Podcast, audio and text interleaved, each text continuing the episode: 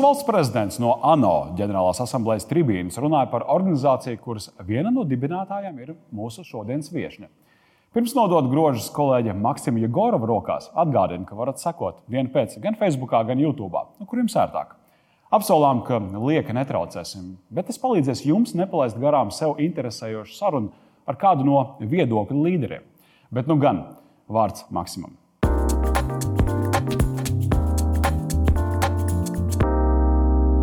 Mana šodienas viesņa Diana Butina, kura kopā ar savām domu biedrenēm pirms sešiem gadiem dibināja Riga Tekgals, joprojām ir ceļa sākumā. Esam apmierināti ar, ar padarīto tik tālu, kāpēc, jo ir reāli šie piemēri, kur tiešām ir uzsākuši darbu IT nozarē. Ir arī sievietes, kas ir pārvākušās atpakaļ no ārzemēm, atgriežas Latvijā, jo šeit ir dabūjuši darbu Jā, caur mūsu programmu. Salīdzinoši daudz tādu piemēru. Bet varbūt tas precīzāks jautājums, kā tev liekas, no cik vispār izglītība ir vērtība mūsu sabiedrībā? Jā, nu, tas ir labs jautājums. Apgalvojums, ka sieviešu skaits IT jomā ir kritiski maz, nav nekāds jaunums. Mani interesē, kā mēs, industrija un sabiedrība, varam mainīt šo stereotipu.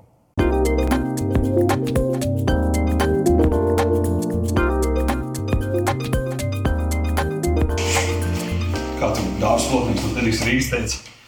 Izdeja Rīgā, kas ir skatuve, un es sagatavojos, un tev pretī mājas un jau pāns! Un nokauts. Un tad es tur jau gatavs vienmēr saku tā, tu esi brīvs savās kustībās, un es to put on the mic? Yes. Can I write for the debate for Sure, sure. Uztraukums pirms uzstāšanās un uzstāšanās laikā šie ir visbiežāk iztirzātie temati un uzdotie jautājumi publiskās runas treneriem. Taču vai jūs zināt, cik uztraukušies ir paši skolotāji? Kā viņi tiek galā ar satraukumu pirms kāpšanas uz skatuves dēļiem? Um, ir tā, ka man ir kaut kāda noteikta uh, ideja, kā būtu jānotiek apspriedē ar organizatoriem pirms pasākuma. Un šobrīd viņi nesevišķi saprot to, ko es gribu no viņiem. Viņi viens sūta pie otra un vēl iedod krekls paģēt. Tas netik ļoti izsver, bet tas mazina to pārliecību, kāda man ir pirms pasākuma Bet tam ir savs pozitīvs efekts, jo arī kā Valdis Melders teica, pasākuma vadītājs, šeit ir tev tāds pilnīgs miers un tu esi baigi pārliecināts par sevi un te jūs skatos, tas simt punktu kaut kas noies greizi. Tādam nelielam stresam ir jābūt. Savukārt, Juris Žagars podkāstā mums labi pateica, viņš teica, viņš pamostās no rīta, viņš neko ko nav uztraucies, viņš izdomā iemeslu, kāpēc uztraukties. Ja tu, tu, tad, tad tu tā kā tonizējies, tu saņemies, tu ej tajā ciņā iekšā. Tā kā viss kārtībā. Yes. So, what voting? Uh, it's not Yes. quite easy. Can you explain me in simple terms without showing this on paper? Lietušķās komunikācijas treneris Oskars Spriede pirms kāda laika piekrita eksperimentam un divās atbildīgās uzstāšanās reizēs Lietuvā ļāva sev izsekot kamerai, kas bezskaislīgi sekoja līdz katram Oskara solim.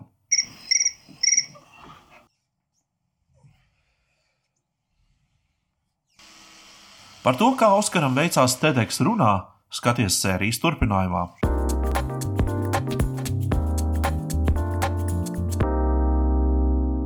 Es pati IT nozarē strādāju 15 gadus, un īstenībā savu laiku ien- ienācu tur no citas nozares. Tā kā esmu ļoti labs piemērs tam, ka var uh, un ir vienkārši jāgrib. Un, uh, varbūt man tajā brīdī palīdzēja arī tas, ka es vienmēr ar tehnoloģijām esmu bijusi uz tu. Un, uh, ieejot tādā vidē, kur uh, man arī ar mani strādāja un deva šo atbalstu, es arī varēju tā kā, augt un attīstīties. Un, uh, kāpēc es pati iesaistījos Riga Tegels? Jo man jau sen bija tā vilkme, ka es gribu dot atpakaļ komunai. Es gribu arī kā, parādīt, ka citas var. Un, uh, arī tas formāts, kas jau bija Riga Tegels, pirms es pievienojos, man ļoti uzrunāja. Un tad divi ar pus gadus atpakaļ, kad man tikko pašai bija piedzimis dēls, es sapratu, ka es šo bērnu kopšanas atvaļinājumu gribu veltīt ģimenei. Un arī beidzot man ir laiks kā pievērsties un, un dot atpakaļ.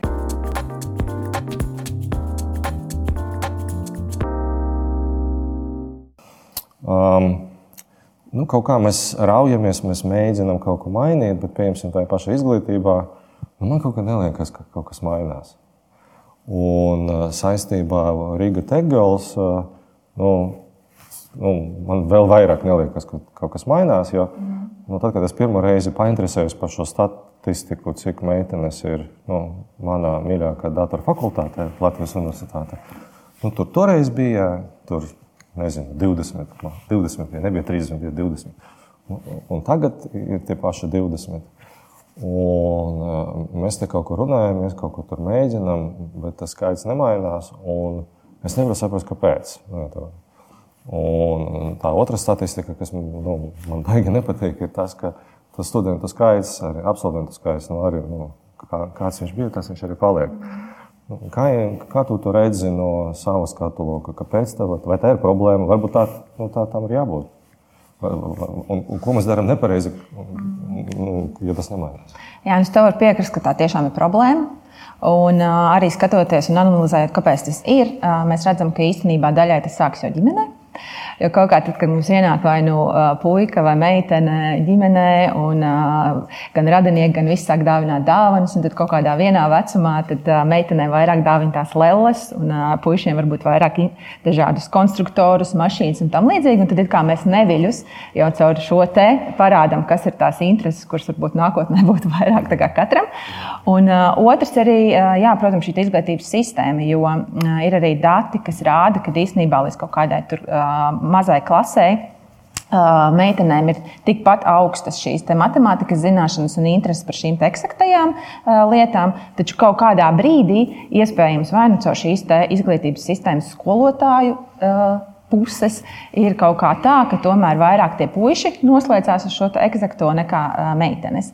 Tad, tad mēs redzam, to, ka varbūt mums ir jādomā, kādā veidā mēs varam arī izglītot vairāk šos skolotājus, kuri vairāk apzinās, kas ir tie jaunieši, šie bērni, kurus viņi šobrīd māca, kas ir tās nākotnes profesijas, kurās viņiem vajadzēs darboties.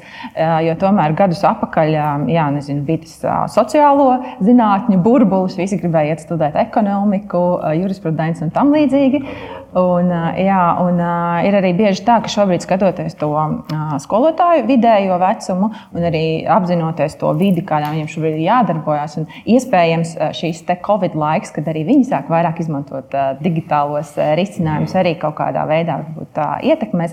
Bet man šķiet, ka mums būtu arī vairāk jāizglīto skolotāji, lai viņi saprotu, ko šie bērni, jaunieši pēc gadiem darīs, kas būs tās profesijas, kurās viņiem vajadzēs iet, un ka šī eksakto uh, zināšanu puse ir ļoti svarīga. Tā tāds, jā, nu, šodien esmu ļoti kritiski noskaņots, un tā kā es uz šo statistiku skatos jau 11 gados, un šis arguments par lēlēm ir nu, dzirdēts, jā, tad es tevi bišķiņu paprovocēšu. Kā tev liekas, no cik lielā mērā nu, tā nav lēļu problēma, bet tā ir nu, teiksim, tā Kim Kardashian problēma? Um, ir ļoti labi, ka ir dažādi. Uh, role modelis, angļuiski sakot, mm. kam var sekot. Un, tas īstenībā ir arī tas, ko mēs Riga Tegals mēģinām izcelt. Mēs mēģinām mm. parādīt sievietes, kuras ir sasniegušas sevi šajā nozarē, dažādos griezumos. Un īstenībā arī jāatzīst, ka vēl joprojām valda stereotips, kas vispār ir IT. Dažiem liekas, ka tie ir tikai programmētāji, kurus sēž pagrabā kaut ko programmē. Bet īstenībā tās lomas un amati ir ļoti, ļoti plaši. Un tad mēs mēģinām parādīt, kā sievietes ir izgājušas cauri kaut kādiem posmiem, meitenes. Um, un uh, bieži vien ir tā, ka īstenībā tev varbūt pēc vidusskolas beigām tu nezini, uh, ko darīt tālāk, tu izvēlēsies kādu citu virzienu.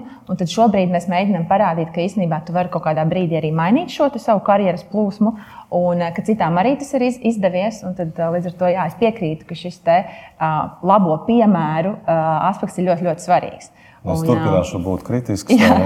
Tātad, nu, par to Kim Kardashian. Nu, piemēram, jā, bet nu, ir Kim Kardashian, ir Sheryl Sandberg.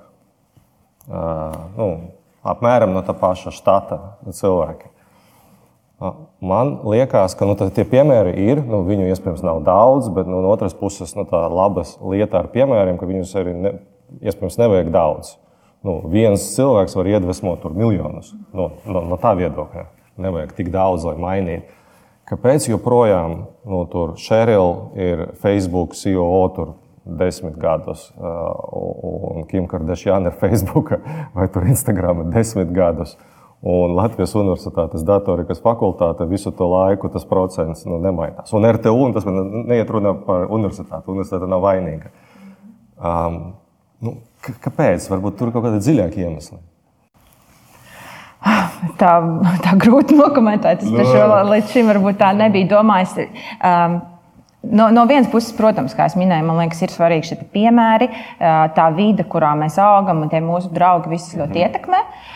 Es gan negribētu būt skeptiska kā tu, jo man liekas, ka pēdējos gados ir arvien vairāk tas, kad ir stilīgi, ka tu esi gudrs, ka tu dari daudz ko ne tikai mācies, jo varbūt tur, nezinu, 90. gados bija mazliet cits priekšstats par to, kas ir stilīgs skol, skolnieks. Un man liekas, tagad tieši tā kā vairāk lepojās ar to, ka ka tu mācies, ka tev ir izglītība, ka tu seko līdzi un, un tajā pašā laikā vari darīt arī visādas citas lietas, un tev ir hobiji. Man liekas, ka tas mainās. Uh, bet, protams, sevišķi tādā popkultūrā, šovu biznesā, visur tie piemēri ir, ir tādi skaļāki. Tā mums ir jādomā, kā mēs varbūt šeit, ja mēs runājam par Latviju un kā mēs varam iedvesmot vairāk meitenes un sievietes, tad ir jāizceļ tie foršie piemēri. Es esmu redzējis un es zinu, ka teiksim, ir arī dažādi lielie uzņēmumi, kur atbalsta dažādas stipendijas, izceļot zinātnieces, sievietes dažādās jomās. Un iespējams, mums vienkārši jādomā, kā mēs varam vēl to vairāk izdarīt. Nu, jā, nu, labi, ka tu, tu, tu šodien vismaz esi pozitīva. Es, jā, mums ir tā līnija. Mums ir kaut kāda bilance. Um, tad, kad mēs aicinām uh, sievietes, meitenes nu, kaut kur, piemēram, uz šo profesiju, uh, kur ir tas atļautības robežas? Uh, kur beidzas mārketings, jūsuprāt, uh, nu, kā organizācijas, uh, tu un visa organizācija, un sākas nu, kaut kāda social engineering?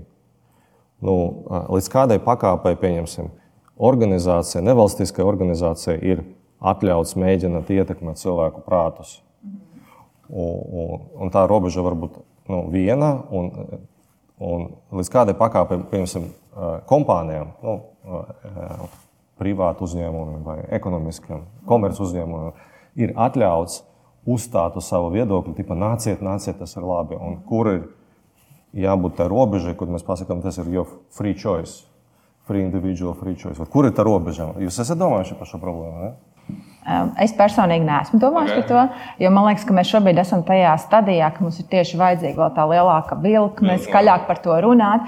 Jo arī mēs Riga Tegels esam sešus gadus gandrīz jau aktīvas, bet tikai pēdējos gados mēs jūtam tādu reālu uzrāvienu. Tas, protams, mūsu gadījumā arī bija tādēļ, ka mēs piesaistījām lielus uzņēmumus, kas mums dod šos grāmatus finansējumu, lai mēs varam vairāk nodrošināt bezmaksas iespējas dažādos līmeņos, stāstot par to, kas šī nozare ir, kādas lomas ir tajā. Kā, kādās valodās runā, un arī palīdzot nedaudz atvērt vairāk šos vārdus, lai vispār varētu ieiet iekšā un pamēģināt.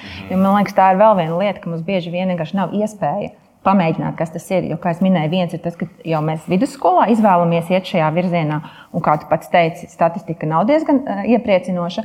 Otrs ir šī mūža izglītība, un uh, man liekas, ka šobrīd arī ir tā, ka mēs varam savā mūža laikā izdzīvot vairāk šīs karjeras, un ņemot vērā, ka mums IT nozarē kopumā trūks darbinieku, un ja mēs paskatāmies, cik mazs procents no tām, kas strādājas sievietes, tad mēs redzam, ka tieši šī pārkvalifikācija ir arī ļoti būtisks aspekts šajā visā.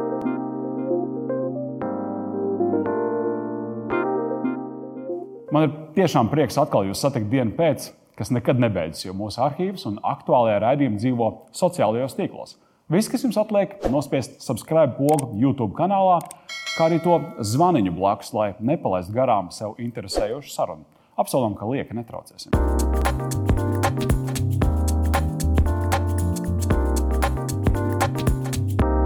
Accenture pavisam drīz jau būs sasniegts 50 pret 50 radītājs, ja runājam par dzimumu atšķirību. IT jomā tas ir labs sasniegums, ar ko mēs lepojamies. Raidījuma turpinājumā runāsim ne tikai par sieviešu īpatsvaru IT, bet arī par dažādu pauģu iesaisti.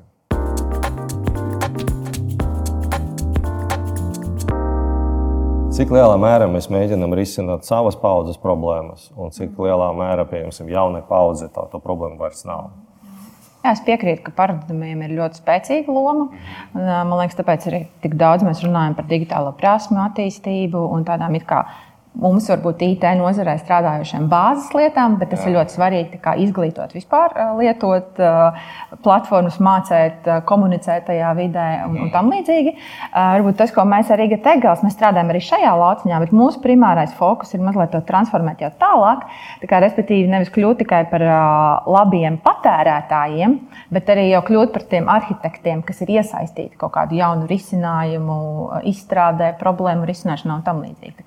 To jau mazliet mazliet nākamajā līmenī pacelt. Bet jā, es domāju, ka šī digitālo prasmju attīstība tas ir ļoti, ļoti kopā ar to, ko tu minēji par paudzēm. Jo ir kaut kāda paudze, kas ienāk iekšā un viņi jau ir kā, digitāli.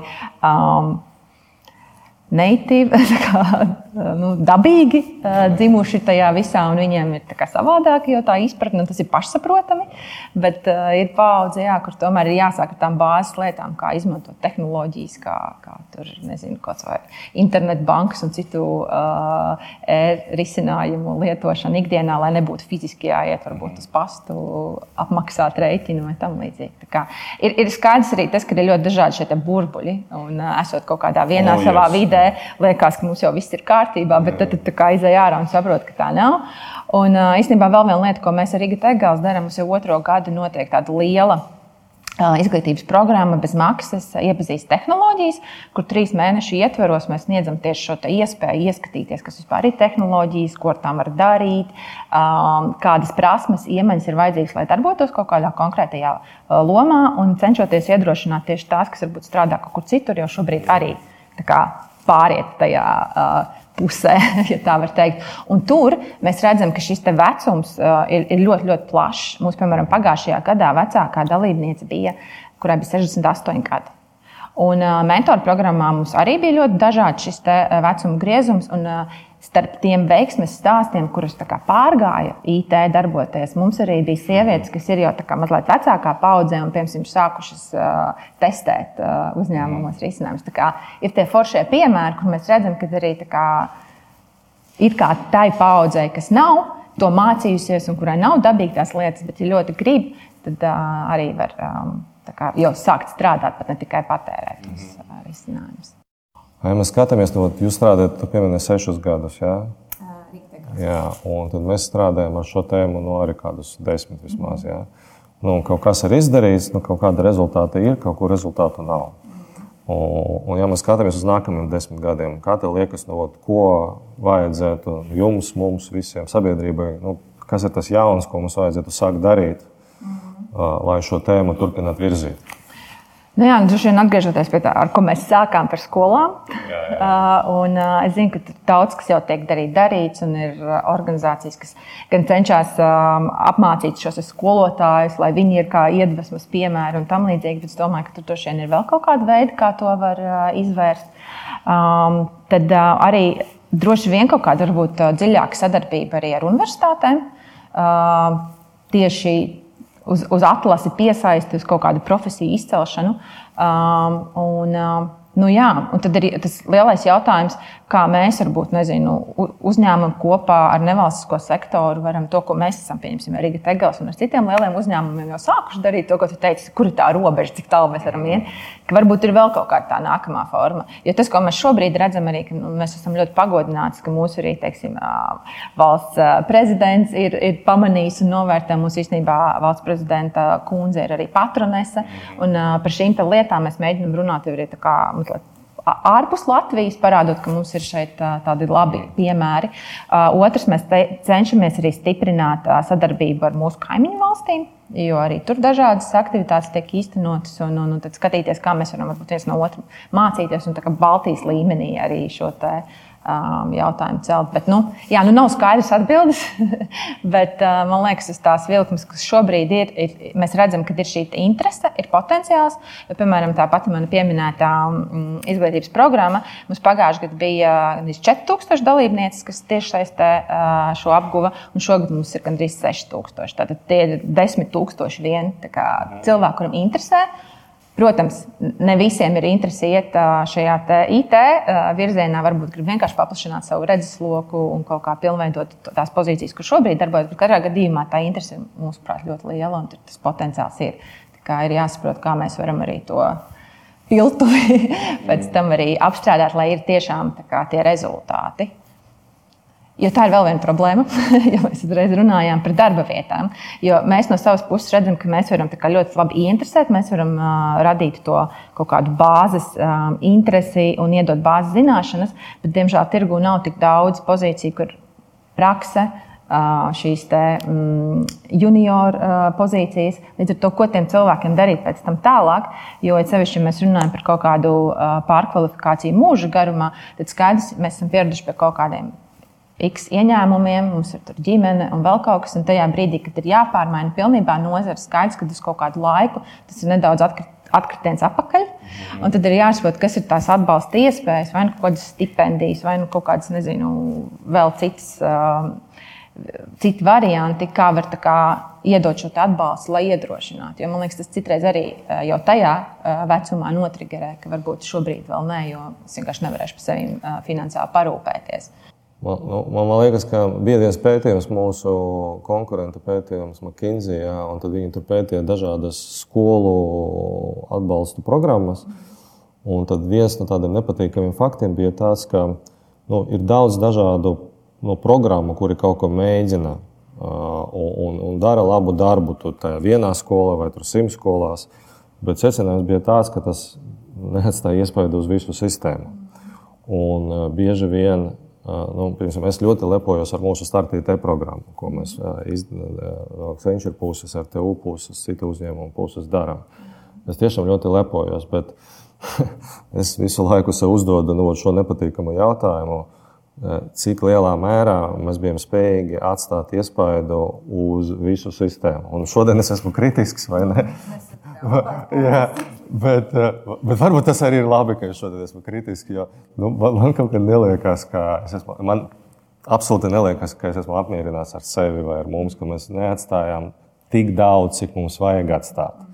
Jo skatoties uz matemātikas eksāmenu, no, tur ir skaidri redzams, ka tikai 20%, 20-30% no Latvijas bērniem sekmīgi iziet mat skolas matemātikas programmu, kas nozīmē, ka nu, ārstu specialitātes, inženieru specialitātes, nu, IT, arhitekti ir tā, ka liektas, jo nu, tev nav tas matemātikas.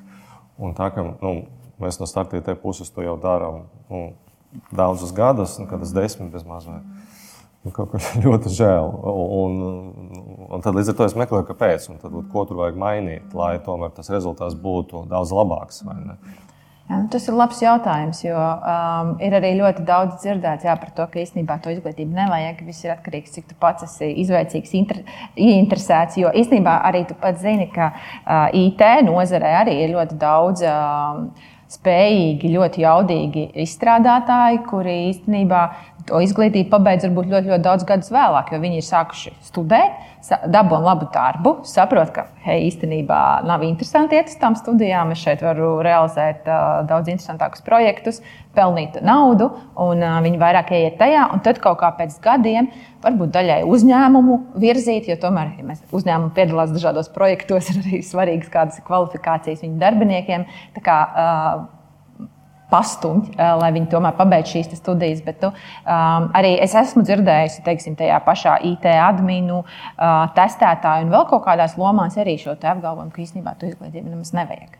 Vai nav svarīgi, kāda tā izglītība ir? Uh, nu, ka tu to vari pēc tam uh, vienkārši pats. Nu, Realitāte tas nozīmē, ka tas cilvēks ir iemācījis pats. Tad parasti šādiem cilvēkiem ir nu, pretenzija pret konkrēto izglītības iestādi vai vairākām. Bet tas cilvēks, kā cilvēks, viņš nes izglītības karogu, jo viņš ir paši izglītots. Un, un kaut kādā ziņā šādi cilvēki ir vēl lielāks apliecinājums tam, ka izglītība kā koncepts ir svarīga. Mēs esam cits piemērs. Mēs esam, kad pie mums klienti atbrauc nu, no dažādām valstīm, un tad nu, vienmēr nu, pie galda teiksim, nu, tā saruna aiziet, nu, vismaz man aiziet ar visiem par izglītību, bērniem un tam līdzīgi. Ja. Un man vienreiz bija tas moments, bija no Dienvidkorejas cilvēki, un es sāku tur stāstīt par to pašu matemātiku. Viņi nevarēja saprast, kā tas var notikt, ka 80, 70% no bērniem nenokārto to matemātiku. Nu, viņi nevarēja saprast, jo Dienvidkorejas sabiedrība nu, tur uh, ieslēdzas vecāki un tev neļaus.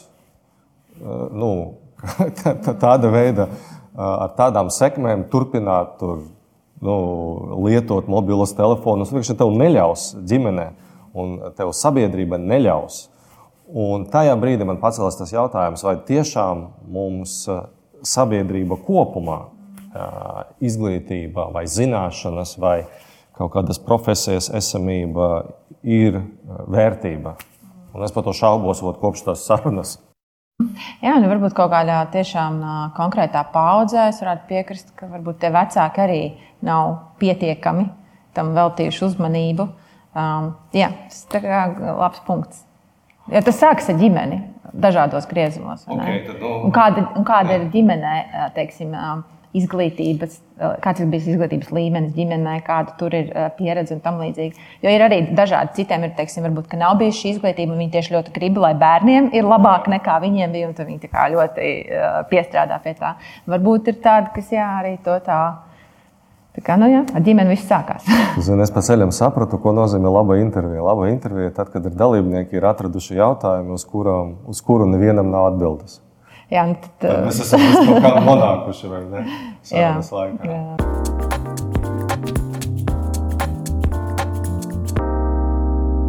Zini, es um, um, sadzirdēju uh, daudz pozitīvu emociju un uh, ticību, uh, ka nu, tie procenti, uz kuriem es skatos, uh, varētu tā kā mainīties. Jo teiksim, tas, ar ko es nācu uz šo sarunu, ir tas, ka, nu, ir, tā- tas izmaiņas, ko, ko mēs varējām panākt, ir neproporcionāli mazas pret to, cik daudz resursu, naudas, stundu mēs esam ieguldījuši. Bija ļoti interesanti runāt par to, kur ir tā robeža starp to, ko drīkst izdarīt valstī vai sabiedrībai, un kur sākas cilvēka atbildība. Manuprāt, tas ir viens no svarīgākiem jautājumiem, kuru nu, mums uzdod uh, sociālo tehnoloģiju attīstība. Mūsu YouTube kanālā atradīs dokumentālo filmu Runātājs, kurā kamera bezskaislīgi seko līdzi mūsu diena pēc autoram Oskaram Priedem, viņa divās svarīgās uzstāšanās reizēs Lietuvā. Viena no tām ir katra profesionāla karjerā nozīmīgā TEDx prezentācija. And that thing. and You find your exit to something you're really good at. You know, like spend your whole time doing these meticulous things. I thank God I'm done with that thing. But um, I come here to Lithuania and I'm in Kaunas and I'm dressed in this very conservative outfit walking down the Lysis. Mm-hmm, mm-hmm, mm-hmm, nu, tāds sajūta, ka parasti pirms uzrunām uztraukums ir lielāks nekā pašas uzrunas laikā. Varbūt tas ir līdzīgs ar uzrunas kaut kādām pirmajām minūtēm. Es tam jau aizietu. Viņš jābrīvo ķermenis saspringts. Es parasti aizveru acis, nu šķiet, ka neviens man neredz.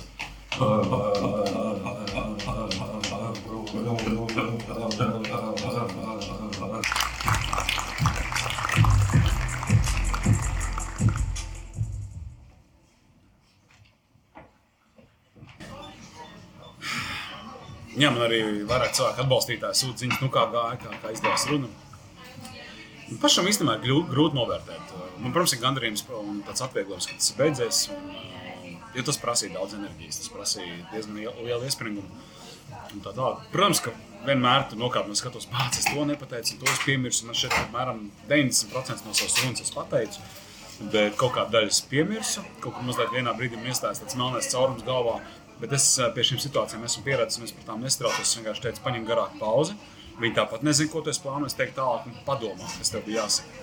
Gan dokumentālo filmu runātājs, gan raidījumus, kuros iztirzājam publiskās runas, improvizācijas un satraukuma vadības jautājumus, meklē un skaties YouTube diena pēc kanālā.